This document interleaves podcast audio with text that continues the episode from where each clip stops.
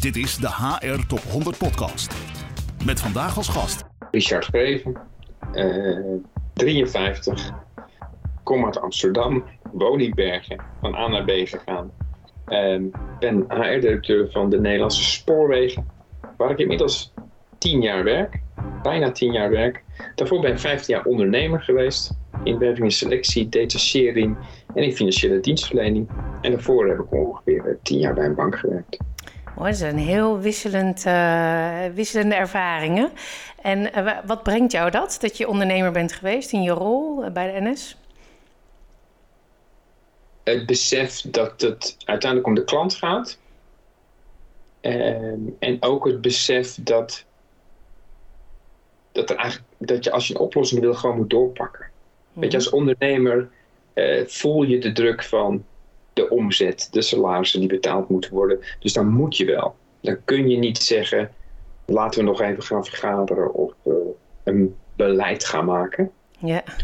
En dat inzicht of dat gevoel helpt me enorm om, uh, als dat ontstaat in een, in een, organisatie, in een grote organisatie, om op een gegeven moment te zeggen, ja stop, hou, jongens, we gaan nu beslissen, we gaan nu wat doen. Ja, mooi, mooi. Nou, dat lijkt me een mooie ervaring.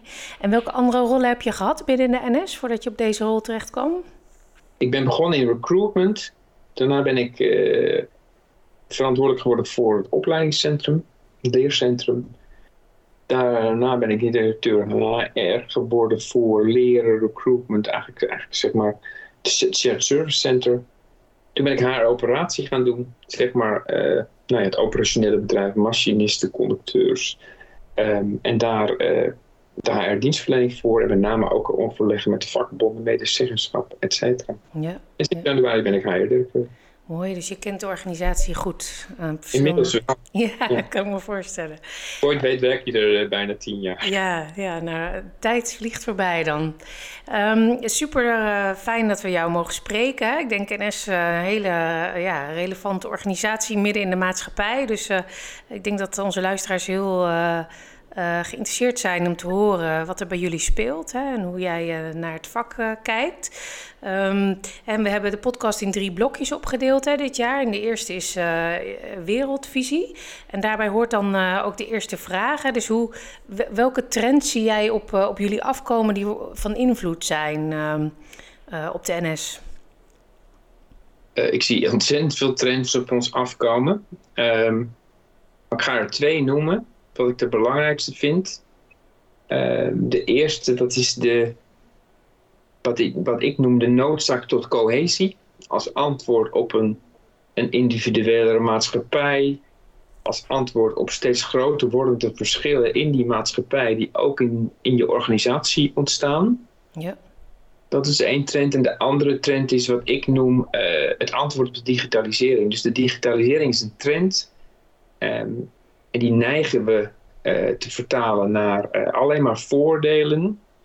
Maar hij lijkt ook te leiden tot op sommige plekken het uitrollen van werk, het versimpelen van werk, um, waarbij de nou, talent van mensen niet meer altijd doorslaggevend is. Mm -hmm. Zonder dat we doorhebben zijn we soms uh, situaties aan het creëren waarin mensen daadwerkelijk zeggen computer says no. Wat we allemaal niet willen. Ja. En toch zijn we er stiekem met elkaar aan het meewerken. Dus die digitalisering en die, nou ja, die, die, die diversiteit in de samenleving, dat zijn wel twee trends die ik denk een enorme impact gaan hebben over hoe we organisaties vormgeven in de toekomst. Ja. En ook een en als je kijkt naar die, uh, die cohesie, um, ik moet dan denken aan zaken als um, uh, polarisatie in de, in de, maatschappij, maar ook misschien uh, het verbinden van mensen, wat steeds lastiger is. Uh, er zijn steeds minder arbeidskrachten. Hoe, hoe zie jij dat? Wat, wat is daar een belangrijke taak voor HR? Nee, ik, uiteindelijk gaat het over inclusie. Um, maar, maar, maar, maar daaronder ligt, kun je mensen verbinden op dat wat ze wel gemeen hebben. Um, NS is bijvoorbeeld, en wij willen een afspiegeling van de samenleving zijn als NS. Uh, dus de samenleving hebben wij in huis, met alle voordelen, maar ook met alle nadelen. Dat is eigenlijk fantastisch. Het is, het is een feest, maar het is ook een uitdaging om met al die groepen en al die verschillende meningen en beelden en individuele behoeften uh, een soort common ground te creëren. Wat bindt ons nou? Wat maakt nou? Waar zijn we het nou wel over eens? Ehm, en hoe kun je dat nou richten? Ja, mooi. Nou, daar komen we vast bij uh, het onderwerp balans ook verder over te spreken. Dat kan ik me voorstellen. Um, en als je kijkt naar die digitalisering, hè, zeg je dan uh, van de mens moet centraal blijven staan? Of hè, de uitdaging in het vak moet er blijven? Of het plezier? Of wat, wat moet ik me daarbij voorstellen? Ja. Ik, ben, ik, ik, ik ben ook al in de 50, dus ik ben nog opgegroeid met sociotechniek. En dan had je het prachtige begrip regelruimte. En dat ben ik eigenlijk opnieuw aan het omarmen. Ja. Omdat ik, omdat ik, weet je, de neiging die je hebt als, als, als, als projectclub of als IT'ers of als, eh, welke vak het ook is, als, als makers van dienstverlening of ontwerpers van dienstverlening, is dat je die technologie gaat inzetten. En dan kun je het natuurlijk echt zo regelen dat je alle scripts hebt klaar liggen, dat je alle oplossingen hebt bedacht voor alle situaties en mensen eigenlijk op afstand dan gaat besturen. En dan ga je ze eigenlijk als een soort van instrumenten inzetten en nou ja, van, vanuit vooraf bedachte uh, scripts uh, dingen laten zeggen en dingen laten doen. En de vraag is dan echt, ja, maar wat mogen die mensen dan zelf nog? Ja. En welke regelruimte hebben ze om af te wijken, om zelf dingen te doen uh, in het hier en nu voor klanten, bij ons voorreizigers. Ja. Nou, dat is een enorme uitdaging, want je wil ook die centralisatie, je wil ook die efficiëntie. Ja. Maar uiteindelijk uh, denk ik dat je een product en een dienstverlening toch maakt met mensen. En hoe gaan we dat talent nou niet weggooien, maar echt ook ten volle benutten? Ja, mooi. Twee thema's die je raakt, die raken ook heel erg aan ons, uh, aan ons het tweede thema eigenlijk van de podcast, balans. Hè? Dus je noemde eigenlijk al, er zijn heel veel tegenstrijdigheden in een organisatie. Hè? Denk aan inderdaad verschillende doelgroepen. En voor, voor al die doelgroepen moet ruimte zijn. Uh, en, en ieder heeft zijn eigen waarheid. En hoe, hoe ga je daarmee om? Ja, hij begint bij, hij bij, bij, hij begint bij luisteren. Mm -hmm. En uh, je realiseren dat je al die doelgroepen hebt. Um, en dat het dus niet meer werkt om vanuit een kantoor, een hoofdkantoor of een boardroom te bedenken hoe mensen het allemaal moeten gaan doen. Mm -hmm. Dus ont, ons ontwerpdenken, daar moeten we, uh, dat moeten we gaan remmen. Mm -hmm. We moeten veel vaker uh, echt beginnen bij mensen. Om daarna onze eigen visie erop te plakken. Wat we er dan mee willen. Wat we dan met onze dienstverlening willen. En wat we met onze organisatie willen. Dus we zullen, we zullen echt andersom moeten gaan denken. Mm -hmm. Ga je heel veel fouten maken. En ga je uiteindelijk in de implementatie. Um, echt tegen ontzettende belangen tegenstellingen oplopen. Mm -hmm. Je kunt je beter van tevoren. Uh, uh, nou, je kunt beter van tevoren weten wat je gaat tegenkomen, welke doelgroepen je hebt en hoe mensen erover denken, dan dat je dat along the way tegenkomt. Ja, en we hadden het in, uh, voordat we de opname aanzetten, hadden we het kort al even over het vak. Hè? En toen gaf je aan, ik doe eigenlijk nooit, ik vond leiderschap altijd eigenlijk een overgewaardeerd thema. Hè? En inmiddels kijk, ja. kijk ik daar anders naar. En als ik jou dan nu hoor zeggen, uh, hè, dat luisteren, dan vraag ik me af, is dat een rol voor HR of voor de leidinggevende? Of hoe haal je die, hoe weet je überhaupt wat er speelt? Hoe haal je die informatie op? Ja, nou ja, het is, ja, het is zeker een rol van de leidinggevende, maar het is, het is natuurlijk bij uitstek ook de rol van HR. Mm -hmm. En die driehoek medewerker, HR, leider, dat die, dat die steeds essentiëler geworden is. Um, en wat ik ook wat ik inderdaad vooraf zei over het leiderschap, ja, iedereen gooit natuurlijk alles in dat leiderschap en we kijken er met elkaar naar alsof dat de oplossing is voor al die problemen. Nou, dat is het niet. Dus mijn neiging was in het verleden was van jongens, laat het even los en laat ik gewoon aan de slag gaan. Maar in de fase waarin we nu zitten als organisaties, als organisatie, dan denk ik, um, er is wel een soort kanteling nodig. Mm -hmm. um, in mijn beeld hebben we de afgelopen decennia zijn we verzakelijkt als organisaties. We hebben efficiëntie gecreëerd, we hebben process redesign, hebben we alle trends gehad. En uiteindelijk is die allemaal vanuit de rationele kant bedacht. Ja. Um, dat is goed, dat heeft ontzettend veel gebracht. Maar als je dan nu kijkt naar een, een samenleving die verandert, uh, naar, naar, de diversiteit die het brengt en al die, naar die VUCA-wereld, dan is de ratio niet alleen het antwoord. Mm -hmm. Er moet emotie in en dat gaat iets vragen van onze leiders. Dus dat is waarom ik vind dat dat leiderschap nu wel echt uh, nou ja, bovenaan de prioriteitenlijst moet. Ehm, de meeste van onze leiders zijn nu nou ja, rond de 50. Dat is mijn generatie, de X-generatie, rationeel, uh, grootgebracht in de crisis. Uh, economie gestudeerd, uh, MBA's. Slimme mensen, doortastend, maar ook wel rationeel. En de vraag is van ja, wat gaan we daar nou naast leggen? Mhm. Dus ik denk dat, in, dat we daarom ook vanuit HR het onderwerp leiderschap meer moeten omarmen nog meer moeten omarmen en echt moeten gaan focussen op leiders. Ook, ook, in, ook in, in gaan zetten op die emotionele kant. Mhm. Ik zeg wel eens, NS is een soort uh, gemeente. Uh, alle, soorten, alle lagen van de bevolking zitten. Alle problemen die je in een gemeente hebt, heb je bijna ook bij, bij NS, zeg maar. Ja. Uh, en een gemeente heeft een burgemeester. Die houdt de boel bij elkaar. Ja. En drinkt kopjes koffie. Nou, dan kan je een beetje laatdunkend over doen, maar het heeft een belangrijke functie. Ja. En in zo'n diverse samenleving, of in zo'n diverse organisatie, wordt dat een belangrijkere functie. Dus, dus onze leiders moeten ook meer burgemeester worden. Ja, mooi. Na, naast uh, managers, uh, commercieel perfecte mensen, weet je. Dus wat dat betreft vragen we ook veel van ze. Ja, en als ik je zo hoor, dan is dat ook misschien juist het stukje wat, uh, wat mensen voor hebben nog op techniek. Hè, techniek, jij zei natuurlijk computer says no, hè, maar het is natuurlijk het is iets goed of fout, hè, terwijl uh, ja, er vaak nuances zijn. Is, is dat ook wat je zou willen toevoegen vanuit het, uh, aan die digitalisering, zeg maar, hè, wat mensen kunnen toevoegen? Of wat, wat zou je, waarvoor hebben we nog mensen nodig en waarvoor moeten we ze vooral inzetten? Ja, we hebben mensen nodig, nou, om maar in ons vak te spreken. Uh, uh, wat doe je nou als een trein is uitgevallen en daar staat een, uh, een oudere vrouw van 79? Verwijs je die dan naar de taxi die er niet is? Ehm, zegt je, god mevrouw, ja, hij, gaat hij komt gewoon niet, punt. Of heeft die betreffende medewerker, ondanks alle scripts die wij bedacht hebben en alle alle opties die er liggen in het handboek of in zijn telefoon. Of geef je hem de mogelijkheid om gewoon te zeggen, nou mevrouw, weet u wat, hier heeft u een, uh, een nummer. Um, of hier heeft u een, een, code, die kunt u invoeren. Of ik bel een taxi voor u. Ja, ja. Dus dat is ook die regelruimte hè, die je eerder aanhaalde. Ja. ja, ja. En, en die ruimte zou ik, ik, ik denk dat we die echt nog meer moeten creëren. Ja. Ook om uh, mensen nog meer trots te laten zijn op hun eigen vak.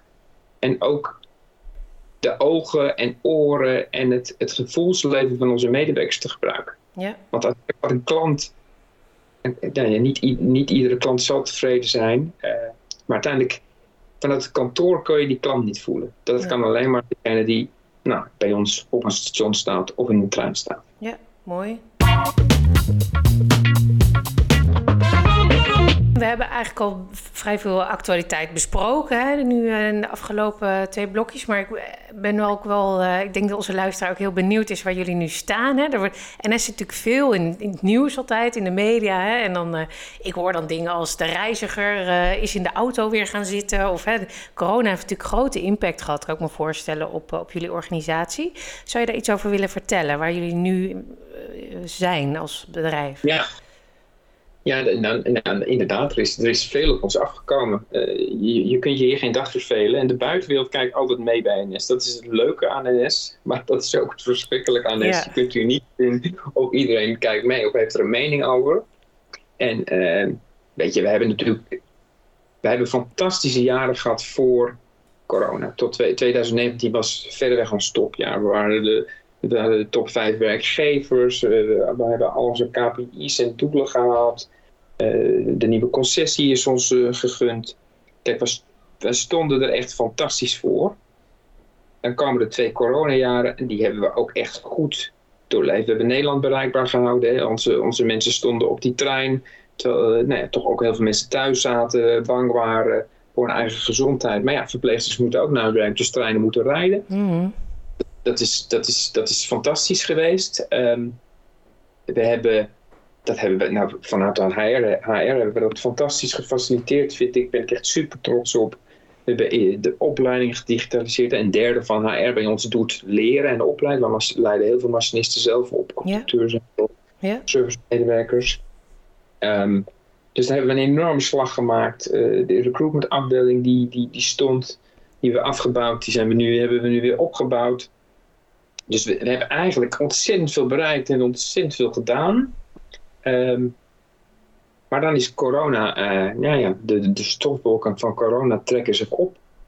En dan, ehm, dan, kun je, dan stel je eigenlijk vast dat de wereld veranderd is. Mhm. Dus de reiziger is inderdaad eh, weg geweest, komt nu terug, zit nu op 80% van de reizigers. Mhm.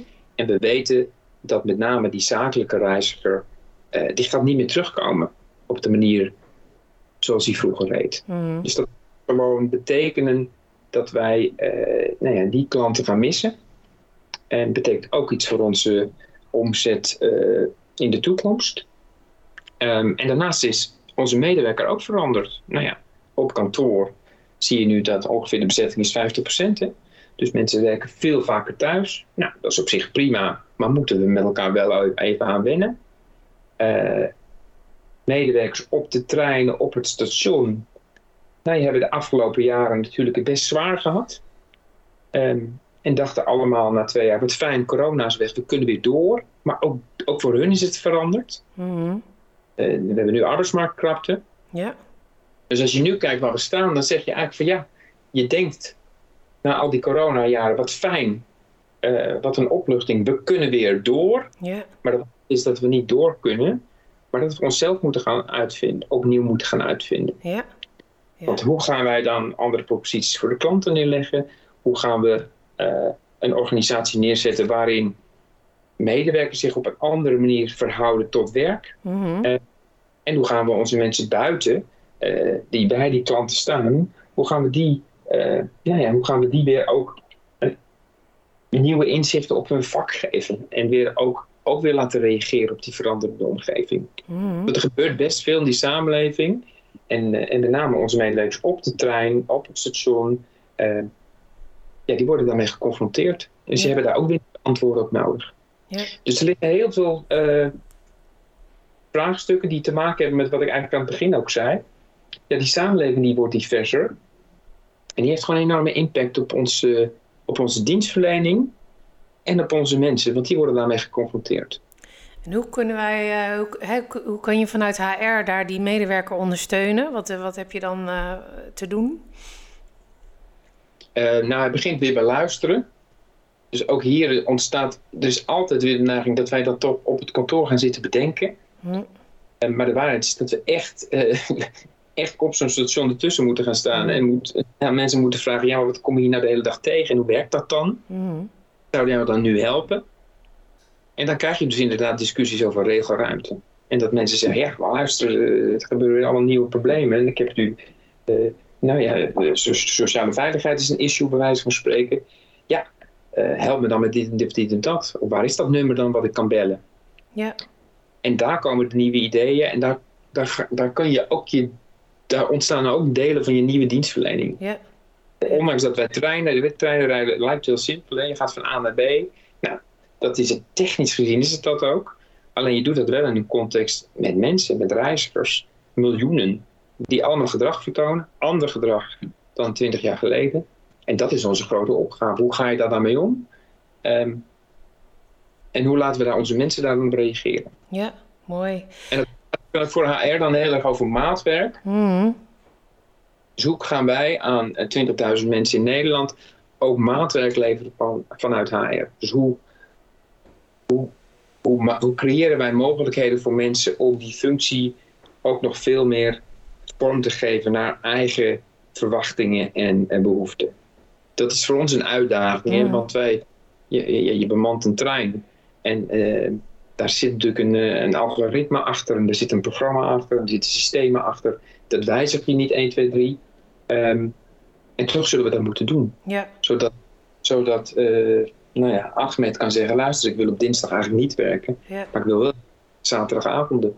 Ja. En ik wil eigenlijk nog een soort combi-achtige functie. Want ik vind dat werk leuk, maar ik vind dat werk... Ja, dat is ook antwoord op de arbeidsmarkt straks. Ja. Want ook daar zullen we op behoeften van individuen moeten gaan inspelen... in plaats van alleen maar op behoeften van groepen. Ja. Ja, mooi. Dus dat is eigenlijk ook uh, hè, ogenschijnlijk tegenstrijdigheden bij elkaar brengen. Hè? Want het moet wel bestuurbaar blijven, maar ook uh, maatwerk kunnen leveren. Mooi.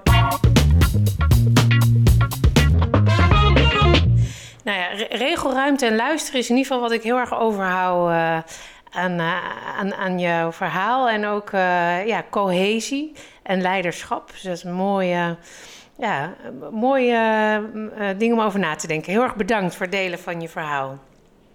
Ja, graag gedaan. Dit is de HR Top 100 Podcast.